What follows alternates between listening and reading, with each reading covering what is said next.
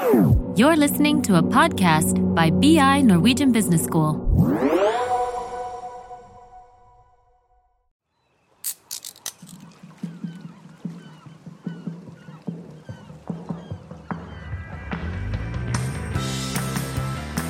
I dagens episode av vår podkastserie om bærekraftig finans skal vi nå snakke litt mer overordnet om hvordan finansnæringen kan bidra til det eh, grønne skiftet. Og eh, til å hjelpe oss å belyse det, så har vi fått besøk av fagsjef for bærekraftig finans Norge, Christian Ruud. Velkommen skal du være, Christian. Takk for at jeg får komme. Kanskje du kan fortelle oss litt om bakgrunnen din først, så vi vet hvem vi har å snakke om? Ja, jeg, Eller med. hvem vi har å snakke med. jeg er faktisk ikke utdannet innen finans. Eh, Jeg er naturviter eh, fra NTNU og UiO. Og før det så var jeg seiler. Så var jeg seiler på fulltid i tolv år. Ja, vi har jo hørt navnet ditt før, må vi innrømme. Du har vært med i ikke mindre enn tre OL. Det stemmer, ja. Yes. Det var utrolig privilegert å ha, kunne ha det som jobb eh, i så lenge, men så, så er det jo en kjekk bieffekt av å ha en vanlig jobb, det er jo å få lønn. Eh, Så nå er det og helt ok å ha en vanlig jobb også. Det høres fint ut. Det- Lønn er en veldig fin eh, ringvirkning av å ha en fast jobb. ikke sant? Jo, absolutt. Jeg bare lurer på, Kan du fortelle oss litt? grann, Altså, Geir og meg har en eh, ganske veletablert hypotese da, som er ganske allment kjent, håper jeg. og det er at eh, Man får ikke til dette såkalte grønne skiftet, eh, som må komme ganske raskt, uten på en måte å ha finanssektoren med seg og finansbransjen med seg. Altså, Myndigheter og politikere kan bestemme veldig mye, og bedrifter kan ha veldig gode ideer, men på en måte uten oljen i selve systemet, for å si det sånn. da. Eh, finansnæringen og finanssektoren, så blir det ikke noe av dette grønne skiftet. Og jeg bare lurer på om du Kristian, kan utdype dette litt for oss, altså hvor viktig faktisk finanssektoren og finansbransjen er i dette grønne skiftet vi står foran. Det er jeg jo veldig enig i, da. Eh, Så det er veldig hyggelig at dere har den, den eh, hypotesen. Ja, vi, vi finansfolk har den. for... Det er rart med det. Men hvis vi starter liksom, jeg tenker det er to metoder eh, finans kan, kan bidra. Det ene er jo at finans er jo en viktig, viktig sektor i Norge i seg selv. Den sysselsetter jo 47 000 mennesker eller noe sånt nå, og står for eh, 6 av, av Norges BNP. Så finans, det finansbedriftene gjør i sin egen bedrift, er jo, er jo et viktig bidrag. Som alle andre bedrifter, hva de gjør i sin egen bedrift. Absolutt, men det er jo oljesektoren òg, men eh, den må vi jo prøve å kvitte oss med, for å si det sånn, eller iallfall omstille. Helt klart. Også, men, men den andre og den, den, si, den viktigste delen av finans sin rolle er jo hvordan de kan påvirke alle de bedriftene de finansierer og forsikrer. Eh, For her, her er jo den virkelig store påvirkningsmuligheten. Eh, For, for finanssektoren, den, den er jo den som finansierer hele, hele realøkonomien. Eh, Og når de begynner å sette krav, så kan det komme endringer. Eh, Og vi ser jo på en måte Finans det er jo en, en långiver, det er en investor, det er en forsikrer. Og så er det en veldig veldig viktig rådgiver.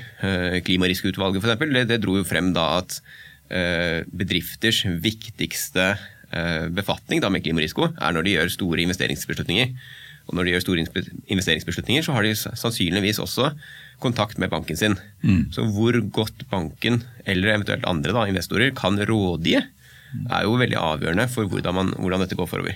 Ja, Dette er jo en klassisk eh, altså en fordel eller en, en viktig verdiskapning som skjer i finanssektoren. nettopp det at man, man aggregerer veldig mye informasjon da, og sitter på veldig mye informasjon som man kan da bruke videre til å rådgi og ha mye mer, en mye bedre oversikt over risikoen, den faktiske risikoen enn de enkelte aktørene. Og, og, og Føler dere nå på en måte at Eh, det er veldig mye push fra finansnæringen ned til, til bedrifter på en måte, og krav da, om, om å, å rapportere på dette eller framlegge bevis på at de eh, har bærekraftige intensjoner, for å si det sånn. Ja, ja helt klart. Eh, DNB Markets i, i Stockholm gjorde en undersøkelse før, før sommeren eh, hvor de spurte eh, var vel 70-80 svenske store bedrifter om en del bærekraftspørsmål. Eh, Et av de spørsmålene var hvem er viktigste pådriver for din bedrifts arbeid med bærekraft. Eh, Og da var finanssektoren var den som hadde, var vel 70% cirka, som hadde at finanssektoren var den viktigste pådriveren i deres arbeid med bærekraft. Mm. Og det kom foran både regulatoriske myndigheter og, og, og forbruker, eller forbrukerpreferansene. Da. Så, så er det din klare oppfatning av at det er faktisk finansnæringen, banker, forsikringsselskaper osv. Um, som, som pusher dette nedover, eller, eller er det òg et, eh, et krav eller etterspørsel fra, fra myndighetene om at dette skal skje, og eller eh, de enkelte bedrifter? Eller er det finansnæringen som leder vei, altså leder an her, føler du? Eller? Eh, både ja, eller ja, helt klart, men jeg tenker det er flere drivere her, her som vekselvirker. Da. Ja. Det ene er jo at finans de har jo et, et behov for å forstå og håndtere klimarisikoen sin. Eh, og det er jo utrolig viktig for både banker og investorer. eh, og forsikringsselskap. Ja, definitivt. Eh, Men så er det jo også en regulatorisk utvikling her, hvor du ser at eh, det blir mer måte Bærekraft blir hard law mm. ved at, at dette kommer inn i eh, allerede eksisterende reguleringer og i nye reguleringer. Føler, bare kom på en ting her. Føler du på en måte at finansnæringen ligger litt foran norske myndigheter og, og ser mer til EU, hva som kommer fra EU, og ligger litt forkant av politikere, eller er For dette er litt interessant, ser du, om det er finansnæringen er liksom forward-looking, eller framoverseende, som man ofte antar eller forventer at de skal være, da, eller er det myndighetene på en måte som norske myndigheter på en måte som legger føringer for dere? Nei, jeg vil jo si at eh, Finansmarkedene er jo helt klart eh, fremadskuende i sin natur. Ja. Eh, og at de ser forover er helt klart et, riktig statement. Og så ser man også at en, Noe jeg syns personlig er veldig spennende i den regulatoriske utviklingen, da, er jo at veldig mye av det som kommer fra EU nå, eh, mye av det kan, kan puttes i en boks som som hva skal jeg si, er gjør hva du vil, men vær åpen om hva du gjør. Nettopp. Så det setter, Sånn som EUs taksonomi, for eksempel, da. Det setter ingen begrensninger på investeringsfriheten. Den sier ikke hva du må finansiere, men den sier at det du skal finansiere, det må du være åpen om, og så rapportere på dette. Og, og deres hypotese er jo da at når man får transparent og god informasjon om dette, så vil da kapitalen vris i en mer bærekraftig retning. Mm. Så det er jo en veldig spennende måte å gjøre det på, istedenfor å si at uh, istedenfor at myndighetene skal gå inn og si hva som skal finansieres og ikke. Ja. Som jo ikke er sikkert at lykkes, da. Nei, nettopp. Så det er, markedet er liksom, for å si sånn, da, markedet er en bedre prediktor enn dette enn enn myndigheten. liksom. Min tolkning, er, ja. min tolkning er jo det er det Ja. EU prøver å få til, i hvert fall. Ja, det er bra. Så fikk vi avklart det. Ja, Det er veldig, veldig interessant dette. Det er jo veldig mange ting myndighetene kan gjøre og forventes å gjøre som vil få implikasjoner for finansmarkedene, som vi har vært litt eh, inne på her. Og som du sier så er det jo i finansmarkedets natur å være forward-looking. Eh, det er klart at Én ting er de reguleringer og avgifter vi har per i dag. Eh, en annen ting er jo hva vi kan forvente kommer framover. Og det er jo klart, vi har jo forventninger til at det kommer mer, eh, og vi har noen forventninger om hva som kommer. Kan du si litt, om, litt mer om dette? Du har allerede vært inne på det. Ja, hvis vi tar et eksempel, da, EUs taksonomi for bærekraftige aktiviteter f.eks. Mm. Uh, kort oppsummert så er jo det en Da kan du veldig kort oppsummere den taksonomien, for det er noe som veldig mange snakker om, og som kanskje ikke alle har hatt helt veldig klart, klar oversikt hva er for noe. Men det er noe sånn buzzword som vi hører veldig ofte nå, den taksonomien. Og, og, og, og hvis du kunne bruke to-tre setninger på det, det var veldig fint. Jeg skal prøve, men Ja. en taksonomi det høres ut som noe du gjør hos legen. Ja. Eh, men, men det er ikke så farlig. Eh, det, det kommer jo fra gresk og betyr klassifisering. Mm. Eh, og hvis man skal oppsummere det i én setning, så er jo da EUs taksonomi gir en EU-definisjon på hva som er bærekraftig. Mm. Uh, og så er Den er bygget opp på aktivitetsnivå og ikke selskapsnivå. Så hvert selskap vil bedrive en rekke aktiviteter. Det høres jo veldig bra ut, for det er veldig mye forvirring på hva som egentlig er bærekraft. Selve begrepsavklaringen tror jeg nok der er veldig viktig. Yes, så det her skal jo gi en, en avklaring på at dette her mener EU er bærekraftig, og, det er ikke, og dette er ikke innenfor hva som er bærekraftig. Eh, og Når man da får, eh, får en slik definisjon, så har man også en muliggjører av konsistent rapportering. Da. Mm. for hvis, hvis alle er enige om en definisjon om hva som er bærekraftig, så kan alle også rapportere på hvor bærekraftige de er i henhold til denne definisjonen. Da. Mm. og, og det er jo et eksempel på, på noe som kommer til å komme, mm. og hvor, måte, hvilken effekt det vil ha i finansmarkedene. Det det Du sier det kommer til å komme. Hvor langt er det kommet? Altså, er er ikke taksonomien her allerede, eller uh, hvordan? Ja, måte, så, sånn, sånn rent regulatorisk så skal den jo da uh, implementeres fra 1.1.2022 okay. i EU. Uh, og så, den er litt sånn gradvis implementering. Eh, og så skal deler av den fra 1.1.2023. Eh, men så norsk implementering er ikke helt bestemt ennå, for den skal opp til Stortinget. Og vi, håper virkelig at det blir, eh, kommer opp i Stortinget nå før jul. Eh, vi har ikke sett at den kommer ennå, men eh, vi, vi håper at, at de ser sin besøkelsestid og de ser på dette fort. Uh, For akkurat her, sånn, sånn som dere sa, da, uh, så finansmarkedene ser jo fremover i tid. Så her er det jo viktig at det ikke blir en, en usikkerhet i markedet om norske assets kan, kan eh, klassifiseres som grønne i henhold til EU, fordi man er for treig med, med reguleringene i Norge. da. Ja, du er helt enig, Da bør norske politikere kjenne sin besøkelsestid for å få en harmonisering her. da. Helt klart. Eh, Og det, det var fint. Bra forklart. Absolutt. Ehm, Jeg vet ikke, Kan du trekke fram noen flere eksempler? Nå har vi hørt om eh, EUs taksonomi, som, jeg, som Kjell nevner her, har hørt det har vært snakka veldig mye om. da. Og eh, Mitt inntrykk er også at veldig mange ikke helt eh, skjønner hva det innebærer, men nå fikk vi jo i hvert fall litt mer eh, kjøtt på benet her. og eh, Datoen eh, 1.1.2022 den har ikke jeg fått med meg. Nei, ikke jeg heller. Men det er viktig å følge med på da, fremover mot jul da, og se hva, om norske politikere uh, si, ta den ballen. da. Ja, så, så Det har jo allerede vært en stortingsproposisjon på det her. eh, Så nå venter man bare på stortingsbehandlingen. eh, Så man da skal bestemme hvordan den, dette skal implementeres i Ja. Norge. Har dere fått noen signaler i Finans Norge på dette, om, det, om dette går veien, liksom? Eller? De signalene vi ha, har fått, var at dette skulle ses på i høst. Eh, og nå begynner jo høsten å, å lakke mot slutten, Ja. så, så vi håper det kommer snart. Ja. Kanskje litt for større av et regjeringsskifte, men jeg tror nok den stafettpinnen blir viderebrakt, og at dette kommer opp før jul, får vi håpe. Det, det håper vi også. For det er jo Finans Norge og Finans Norge, altså finanssektoren i Norges interesse òg, at man måtte få dette avklart raskt. Helt klart, Både finanssektoren, men også, også vanlige norske bedrifter. Mm. For, for hvis, hvis dette regelverket får den effekten som EU-kommisjonen har tiltenkt, da, så skal jo dette vri kapitalstrømmene. Eh, Og da vil det jo kunne bety eh, billigere finansiering, også for, for, for de som har eh, bærekraftige forretningsmodeller. Så dette er jo først og fremst en kjempemulighet mm. for de som faktisk har en fremtidsrettet forretningsmodell. Ja, Men eh, er det allerede tegn til at dette altså man tar dette for gitt at dette er på plass? At folk allerede har begynt å, å, å oppføre seg som om det var godkjent i Norge? Eller sitter man litt på gjerdet og venter på at det er endelig eh, behandling ved Stortinget? Min, min oppfatning er at hele, hele Norges finanssektor er veldig klar på at dette kommer, og det, nå må vi forberede oss. Mm. Og store deler av realøkonomien også. Så vi får jo daglig telefoner av folk som, som spør hva er dette, hvordan kan vi forberede oss osv. Ja.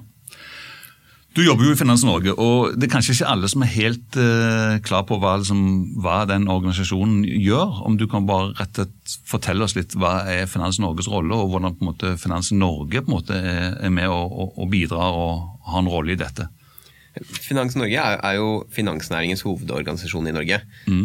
Så vi er jo arbeidsgiverorganisasjonen til rundt 240 finansforetak i Norge. Alt fra forsikring til bank til forvalter. Ja. Mm. Og livselskapene, ikke minst. Ja, selvfølgelig. Eh, og da Det gir jo en, en styrke at man har klart å samle hele finansnæringen i én organisasjon. I veldig mange andre land så er det jo eh, en egen eh, organisasjon for, for bank, en for eh, kapitalforvaltning, en for livsforsikring, en for skadeforsikring osv. Ja, så bare for å være klart, dere, egentlig dekker hele finanssektoren i Norge, eller er det noen som står utenfor, som har glemt eller som ikke er med? Ja, vi dekker vel ikke disse meglerhusene og sånn. Ok, Uh, eh, Men, men eh, vår rolle er jo, er jo å samle næringen. Mm. og, og det, før, før jeg begynte i Finans Norge, eh, så var Finans Norge også en pådriver for dette her kommer til å komme. Eh, næring, dette er viktig. Eh, så man kan ha en litt sånn, så, Som organisasjon da, så kan, vi, kan vi ha en utfordrende rolle overfor våre medlemmer. Og da I 2018 eh, så kom jo Finans Norges, eller eh, finansnæringens veikart ja det må du fortelle litt om. Ja, Dette eh, veikartet har vi hørt om. det, det, det, var, det var veldig veldig spennende. Og jeg faktisk i min, i min forrige jobb så jobbet jeg faktisk med dette veikartet så, og hjalp Finans Norge med det. Just. Ja, ok. Eh, Hva, hva var din forrige jobb? Da jobbet jeg i et lite konsulentselskap uh, som jobbet med, med bærekraftige forretningsmodeller. da. Altså Du ble headhunta inn i Finans Norge, du, rett og slett? Eh, nesten. Eh, så, så da, så da uh, Det veikartet er, var jo en, en ganske stor og viktig begivenhet. Uh, for man fikk samlet hele norsk finansnæring om at om en visjon om at i 2030 så må finansnæringen være lønnsom og bærekraftig. At man skal forvalte og finansiere og forsikre med kunnskap om klima. Eh, for, for sånn som dere sa, da, måte, det er jo finansnæringen som finansierer eh, -hmm. Og, og hvis man har et mål om å være nullutslipp i 2050, så må finansnæringen ligge foran. For veldig, mange, veldig mange assets har jo en lang levetid. Eh, så det er veldig viktig at finansnæringen ligger, ligger tidlig ute. Eh, Så dette var vel, så vidt jeg vet, så er det det første veikartet fra en nasjonal finansnæring i verden. Ja. Eh, så det fikk kjempemottagelse. Det ble oversatt til engelsk, det har blitt yes. presentert i FN. Yes. Så det er kjempe, kjempespennende. Kan du fortelle i korte trekk hvordan kartet ser ut? Eller hva? Ja, ja det, det- kan jeg. For det, er bygget opp rundt, eh, rundt eh, tre hoved... eh, hva skal si, anbefalinger. Det er eh, bransje, eller anbefalinger til hele finansnæringen. Og så er det bransjespesifikke anbefalinger til eh, bank, til skadeforsikring og til livsforsikring og kapitalforvaltning. Eh, og så er det anbefalinger til myndighetene. Og så er det anbefalinger til hva vi i Finans Norge skal gjøre. Så tre pilarer, på en måte. Ja. Eh, og da, det vi ser da, er jo at uh, veldig mange, det var, var en del som mente at dette var et veldig ambisiøst veikart. Eh, og nå er det jo bare tre år siden lanseringen. Ja. Og det vi ser er at veldig mange av våre medlemmer de har jo gått forbi en del av disse anbefalingene allerede nå. Så, så hastigheten er bare eh, Fra 2018 til nå, da, så hastigheten har bare akselerert noe helt enormt. Eh, og det gjør jo at det her er veldig, veldig spennende å jobbe med. Mm. Spennende. Det er ofte sånn Når man først begynner å ta i ting, så ser man at det, ja, så blir man liksom grepet. da. Og ser at det, det funker og finner sin egen vei på det. det er veldig bra. Altså, Hvordan jobber dere til daglig med dette? da? Altså, Følger du opp, eller? Eh, Nei, til, til daglig så, så har vi, vi har en handlingsplan for, for hvordan man skal uh, nå disse, disse anbefalingene for i, i veikartet. Mm. Uh, så har vi, vi har veldig mye kontakt med myndigheter, både nasjonalt og, og internasjonalt, på, på reguleringssiden. Eh, for det er jo veldig viktig at man, man, man har god oversikt over hva som kommer fra EU, eh, og hva som kommer fra norske myndigheter. Og det er viktig for våre medlemmer at de kan se litt inn i krystallkula på hva som, hva som kommer der. Eh, Så gjør vi ganske mye medlemsservice i form av råd og informasjonsdeling osv. så dere er på en måte en slags ja, en, en eh, koordineringsorganisasjon på en måte, mellom myndigheter kanskje og de enkelte medlemsbedrifter osv.? Ja, ofte. Ja. Mm. Og, og så er jo vi som organisasjon er relativt langt fremme på, på hva som kommer av reguleringer fra EU. Mm. Så både medlemmer og andre spør oss om hva, råd på hva som, hva som kommer, og, og når det kommer, og hvordan dette kommer. Og, Ja. Og, og Gjør vi det riktig nå, liksom? Ja. Det, det, så, så, sånn tenker vi, gjør, det, gjør vi det riktig nå? Det, Det- er veldig fint å ha en å, å, å, å liksom spørre om, en veileder, på en måte. Ja, det, så, sånne spørsmål hender vi får, da. Ja. Uh, og så er jo våre medlemmer er jo, er jo supergode på implementering og alt dette her. Så, og de er jo veldig gode på dette, men det hender at det er kjekt å ha uh, en, en sparringspartner på, på hva som kommer da. For det er jo veldig nytt for mange, og, så det er jo bra. Det, det er jo veldig effektivt at noen tar den jobben med å aggregere, så ikke liksom hver og en bedrift sitter på hver sin tue og, og finner, opp, eh, altså finner den samme informasjonen. Ja. Så sånn sett er det åpenbart det å aggregere informasjon er jo en veldig viktig oppgave. Men i, i hvor stor grad eh, veileder dere altså i forhold til implementering og sånne ting? Blir dere først og fremst brukt som en sånn oppslagsbok, eller er dere også aktivt inne og, og bidrar med råd til implementering? På noe råd til implementering, men, men implementeringen skjer jo i aller høyeste grad i, i medlemsbedriftene. Eh, så hvis det er ting Hvis det er eh, hvis det er eh, saker hvor vi ser at det er viktig at man gjør en avklaring internt i eh, norsk finansnæring før implementering, eh, så er det, da kan vi stå som fasilitator for, for en slik eh, avklaring. For eksempel med nå, den nevnte taksonomien. Da. Eh, Der er jo skadeforsikring er en, er en del av den taksonomien hvor, hvor du kan ha bærekraftige skadeforsikringsprodukter. Eh, Der har vi et lite prosjekt som, som samler næringen for at, eh, for at de skal ha et felles syn på hva er det som faktisk er et bærekraftig skadeforsikringsprodukt. For selv om man har den definisjonen fra EU, så er det ikke alle, alle disse vendingene fra EU er ikke helt klokkeklare.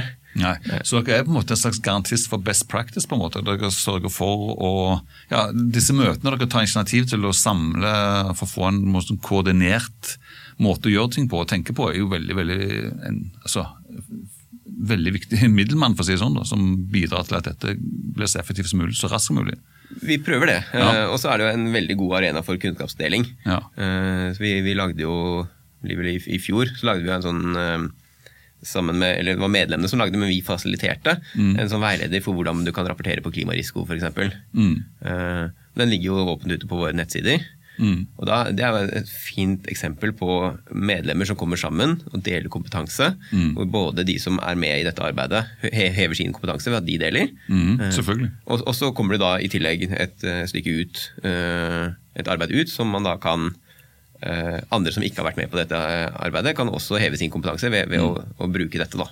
Og du, og du føler at um medlemmene er på en måte veldig villige til å dele? Det er ikke sånn at noen vil prøve å tilrive seg en sånn competitive edge, eller prøve å holde sin måte å gjøre det på, liksom, og liksom være i forkant? Og, eller, de deler, de deler vil, velvillig, mener jeg. altså. Er det interessekonflikter, er vel ikke Ja. spørsmålet ditt, Kjell? Noe sånt?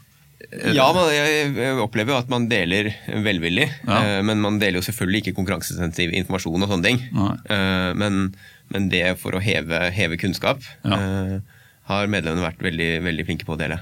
Okay. Men oppfatter dere at det kan være eh, konkurranseutsatt informasjon også når det gjelder bærekraftsarbeidet? Ja, til syvende og sist så er, så er det jo det. Jeg skulle Eh, tro det at de som var først ute med et eller annet, eller en, en, en smart måte å gjøre ting på, på en måte vil prøve å kapitalisere på det. Ja, på en måte, hvis du Jeg vil jo eh, måte, uten, å, ut, uten å putte ord i, i munnen på Finanstilsynet, så, så vil jeg jo tippe at i en vanlig bedrift, da, mm. det man før kalte ikke-finansiell informasjon Ja. eh, nå, har, nå vet man jo da at det har finansielle implikasjoner. Eh, og da vil jo det kunne være konkurransesentivt eh, i aller høyeste grad. Føler dere at det er stor etterspørsel blant, kunden, altså blant medlemmene deres, eller er det, er det dere som er proaktive, eller får dere henvendelser fra de som, fra næringen sjøl? Næringen er superaktive. Ok, uh, Så de er på en måte de som pusher dere, eller mener at dere bør kanskje komme på den og den ballen osv., eller? Helt klart. Ja. Så måte meningen, da. Eh, Medlemmene har mange meninger om, om hvilke temaer vi bør, vi bør prioritere. Hvor, uh, hvor mye vi skal være på implementering av regelverk som allerede har kommet, eller om hvor mye vi skal bruke tid på det som kommer uh, om ett år, eller hvor fremadskuende vi skal være. Så det, det er veldig spennende å bli utfordret på med, av medlemmene. Ja. Og det er jo veldig gøy at de har så mye meninger om det. Ja. Per, per dags dato, hva er det på en måte som er mest, mest trøkk på nå? Den nevnte EU-taksonomi har jo veldig mye trøkk. Mm. Når den skal implementeres i Norge, så når den skal behandles i Stortinget, så behandles den sammen med noe som kalles offentliggjøringsforordningen. Mm. Som er en mye mer finansregulatorisk eh, forordning. Mm. Så som treffer finans mye, mye mer enn på en måte, Taksonomien treffer jo hele økonomien. Eh, Offentliggjøringsforordningen treffer for det meste kapitalforvaltere og investeringsrådgivere. Og på en måte er veldig finansspesifikk. da. Mm. Og den er også, også mye i vinden om dagen. Ja. Er det noe i taksonomien på en måte som jeg kan se for meg tydelig at det kanskje ikke alltid den taksonomien som passer alle like godt? Er det noe, en viss form for lobbyisme her på, eh, om å få unntak for noe, eller eh, få noe inn i en definisjon eller noe sånt? Man så jo eh, rundt juletider i fjor, så kom det jo et utkast hvor, eh, hvor norsk vannkraft f.eks. Uh, hadde fått en utfordrende eh, definisjon. da. Eh, og der, der var norske myndigheter på banen og, og mente og sa fra til Brussel at dette her mener vi eh, slår uheldig ut. Mm. hva var utfordringen? Eh, det blir veldig teknisk, men eh, har, du lyst til å eh, Nei, altså vannkraft, altså Vi vet jo hva vannkraft er i Norge, men, men, men det var veldig teknisk. Det var ikke noe som lett lar seg forklare. Vannkraft har jo, har jo en viss naturpåvirkning i det det blir bygget. Mm. så, så Du tenker på anleggsveier og litt sånn? Og, Betong og betong natur. og opp, oppdemming av natur, sånn som du mister en, en del der. Da. Mm. Eh, og da gikk det på, på en måte, definisjoner på, på hva, som, hva som skal til for at et vannkraftverk skal kunne klassifiseres som bærekraftig. Da. Ja, for Vi nordmenn vi tenker jo at eh, vannkraft det er jo bærekraftig. Eh, samtidig så husker vi jo at, eh, at det var noen som lenka seg fast opp i Alta en gang i tiden, for noen tiårs tid siden. Eh, så jeg, jeg ser jo den. Men, men per i dag så tenker vi nordmenn på vannkraft som 100% bærekraftig. Men eh, jeg ser jo det når du sier det, at det er jo ikke nødvendigvis eh, slik. Og samme debatten har vi hatt en del en del vindkraftverk òg, der man på en måte har eh, beslaglagt og ødelagt en del viktig myr da, som binder mye karbon. Så, så det er jo liksom Det er litt viktig å ta det inn over seg òg, at det er jo eh, det man tenker på som bærekraftige løsninger, har, det er veldig få ting som er gratis. for å si sånn da. Det er ofte en kostnad med det meste. Helt klart. Og når, vi kommer liksom inn på disse definisjonene, og sånn, så er det en ting som er veldig spennende. Det er eiendomssektoren. Eiendom, eiendomssektoren er jo en enorm sektor i, i norsk finansnæring, og i finansnæringen generelt. Ja. Uh, og her ser vi at taksonomien da, den, den refererer til en del EU-regelverk og en del EU-definisjoner som ikke finnes i Norge ennå. Mm. Som Som eh, man, har en, eh, man har et energibygningsdirektiv fra, fra 2010 i EU som ikke er gjennomført i Norge. Eh, og så regner man ut denne energimerket på boliger regner man ut på en litt annen måte i Norge enn, enn i mange andre europeiske land. Og så har man noe som kalles eh, nearly zero energy buildings. Eh, hvor, hvor taksonomien sier at et nytt bygg, eh, for at det skal kunne være at det skal være, kunne være bærekraftig, skal det være, ha 10 lavere eh, energiforbruk enn denne NSEB-definisjonen. Denne NSEB-definisjonen har vi ikke i Norge. Eh, og da er det jo hva gjør man da i Norge? Så her er det superviktig at, Ja. at norske myndigheter kommer på banen eh, og gjør av, nasjonale avklaringer. Ellers så blir det veldig utfordrende for, for norske aktører. Ja, Det kan slå inn som en bombe i norsk eh, eiendoms, eh, altså nærings, eiendoms- og næringsbygningsmasse, for å si det sånn. Helt klart, vi er, vi er veldig tydelige på at, at uh, eh, det er viktig at, at eh, myndighetene gjør da en, en screening på hvor er det henvisninger til, til eh, regelverk og definisjoner som ikke finnes i Norge. Og så må man gjøre en avklaring på, på hvordan kan man løse dette. Ja, det, det må gjøres fort det er primært næringseiendom. sånn. Eh, Ja, det er også, også, eh, Også på bolig. På boliger også, privatbolig. Mm. Fordi ja, da, eh, det nevnte energisertifikatet, energi... Hva heter det? Energimerket. Energimerking, ja. Den er da regnet ut på en litt annen måte. Mm. Og det er jo da veldig viktig på Ja, Dette er noe som må avklares nå før jul i år, eller? Er det, Forhåpentligvis. Ja, just. Så vi, vi, vi sitter ja, og det har jeg hørt litt om, men det kan jo få veldig store implikasjoner. Så vi, vi håper jo, håper jo at, at, eh, at myndighetene avklarer dette så, så fort som mulig. Mm. Så det er veldig mye viktig samarbeid her. eh, Både med myndigheter eh, i Norge, internasjonalt. eh, Operasjonalisering av alle ulike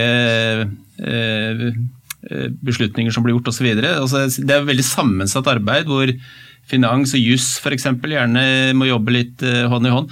Og Jeg må jo si, jeg vet ikke hva du tenker, Kjell, men de siste årene, så når vi snakker med folk fra eh, finansnæringen, så kommer dette temaet om bærekraft og ulike sider ved det veldig ofte fort opp i diskusjonen. Sånn var det jo ikke f.eks. For, for ti år siden. Så dette er noe som bare som merker nå kommer veldig i det siste. Og du nevnte veikartet fra 2018. Og, og, og jeg merker jo da at veldig, spesielt etter det, så har liksom det der bærekraft eh, kommet opp som et veldig sånn sentralt tema blant folk i finansnæringen. Eh, og det, det er jo veldig interessant, for det betyr jo at de bryr seg om det. at Det er viktig for dem. Og Du nevnte også at, at noen allerede var kommet lenger enn dere mente var ambisiøst i 2018. Eh, Betyr det også at dere da kontinuerlig reviderer og eh, oppdaterer dette veikartet? Selve veikartet ligger, ligger sånn som det ligger. eh, Det blir ikke revidert? Det, det, akkurat det har vi ikke revidert. Eh, Men, men hva, vi, hva vi fokuserer på og hvor vi setter våre målsetninger, Mm. det, det reviderer vi jo. Eh, Og som, som bare et eksempel da, så, så har man jo grønne obligasjoner. Mm. Eh, Oslo Børs har, har jo en del grønne obligasjoner her. Eh, Og jeg tror ved utgangen av 2020 så var det verdi på rundt Eller et volum på, på litt over 60 milliarder. Mm. Ja, Hvor grønne er de obligasjonene? Er de sånn at man øremerker penger man får der til hvem, hvem følger opp og sjekker det? De er, jo, de er jo verifisert av en uavhengig tredjepart, okay. så, sånn som f.eks. DMGL eller Cicero eller mm. Systenalytics eller andre. Okay. Eh, Men da, det man ser, da, er at eh, det volumet på, på rundt 6, 60 milliarder mm. Da var det da Ca. halvparten av det var jo utstedt i, i 2020. Mm. Så hvis du da tenker 2015, 2016, 2017, 2018 og 2019 mm. Summen av det er ca. det samme som det som ble utstedt i 2020. Just. Der ser man jo en sånn ek- eksponentiell, Ja. eksponentiell vekst. Eh, og det tenker jeg det er jo noe alle har lært om eh, i denne Ja. pandemien, er jo eksponentielle utviklinger. Ja, ja. Eh, Og den kommer til å fortsette, tror du? jeg tror helt klart at, at dette er noe som kommer for å bli. Deutsche Bank gjorde en, en, en fremskrivning i um, var det de, var vel i 2020, hvor de sa at de tror at 95% av all kapital i verden kommer til å bli eh, eh, forvaltet med et eller annet type bærekraftsmandat eh, innen 2030. Eh, og når disse, disse som da har investert disse pengene, disse er jo også forbrukere. Eh, Så hvis de setter eh, ESG-krav til hvordan man forvalter pengene, så kan man jo også tenke seg at disse setter også ESG-krav når de skal kjøpe produkter og tjenester. Og da plutselig begynner ba- ballen å rulle veldig fort. Dette med utdanning av egne medlemmer, men også interessenter og samarbeidspartnere generelt, da, det er jo veldig viktig. og jeg vet jo at eh, Finans Norge, dere har jo en rolle også der. Ja, vi, vi, eh, vi blir jo spurt en del om, om vi kan, spesielt nå med taksonomien, da, men også, også med, med bærekraftig finans mer generelt, om vi kan komme til forskjellige både bedrifter og næringsorganisasjoner og, og snakke om dette, for det er mange som ønsker, ønsker å, å lære om dette. Så det er veldig spennende. Det er et helt annet trøkk nå enn det det var for to-tre år siden. Altså, du har mer jobb nå enn når du startet med dette her. Eh, Mer enn nok å gjøre. det kan jeg tenke meg. Veldig bra, Kristian. Jeg tror at eh, vi har et par ting til på blokka vi har lyst til å spørre deg om, men det får vi vente til en, en annen podkast. Vi vil gjerne invitere deg igjen, vi. Men før vi slutter av, eh, så har vi et signaturspørsmål, Geir. har vi ikke? Og Denne gangen kan, du få lov å ta det. Har vi- ja, får jeg, får jeg sjansen denne gangen? Du får æren. Ja, vi lurer jo litt på, altså Nå vet vi at du er gammel OL-seiler og, og, og liker å bruke vindkraft, da, i, i den sammenhengen i hvert fall. Eh, Men vi lurer på hva, hva, er, hva bra har du gjort for miljøet nå, nå i det siste? Ble det stille, Kjell? skal vi, hvordan skal vi tolke det? Det er lov å tenke seg om. Ja, det er bra. Jeg tenker jo Uh... Sorter ut. Jeg vet du har mye, men sorter ut det viktigste. Ja, Det er bare for å ha for mange ting på blokka, liksom. jeg. Jeg tenker to ting eh, spesielt. Da. Det er jo, ene er jo at eh, Da jeg var utøver, så, så fløy jeg veldig veldig mye. Eh, det må jeg innrømme jeg har litt dårlig samvittighet for. Det har vel de fleste. Ja, var ikke du i Rio, blant annet? Jo, flydd mange ganger til Rio. Ja. og da, så nå prøver jeg å, å fly mye mindre. Mm. så flyr, eh, flyr relativt lite. Mm. Så du har et bevisst forhold til det sjøl? Det er ikke noe som er påtvunget? Det er noe som Nei, det, er- det er helt på, eller påtvunget meg selv, på en måte. Ja, det er deg selv, så bra. Eh, og det andre er jo at eh, jeg si, min pensjon og, og hvordan mine, mine sparepenger forvaltes, eh, de forvaltes jo med, med et bærekraftsmandat. Men det tenker jeg er viktig på, på en del av disse pengene. Det er Godt poeng. Det er et veldig godt poeng. Kjempebra. Takk, Kristian. Tusen takk for at jeg fikk komme. Ja, Jo, velkommen tusen takk. igjen. Velkommen igjen.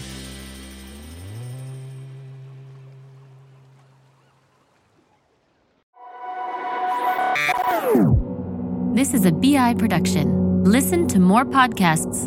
Go to bi.no slash podcasts.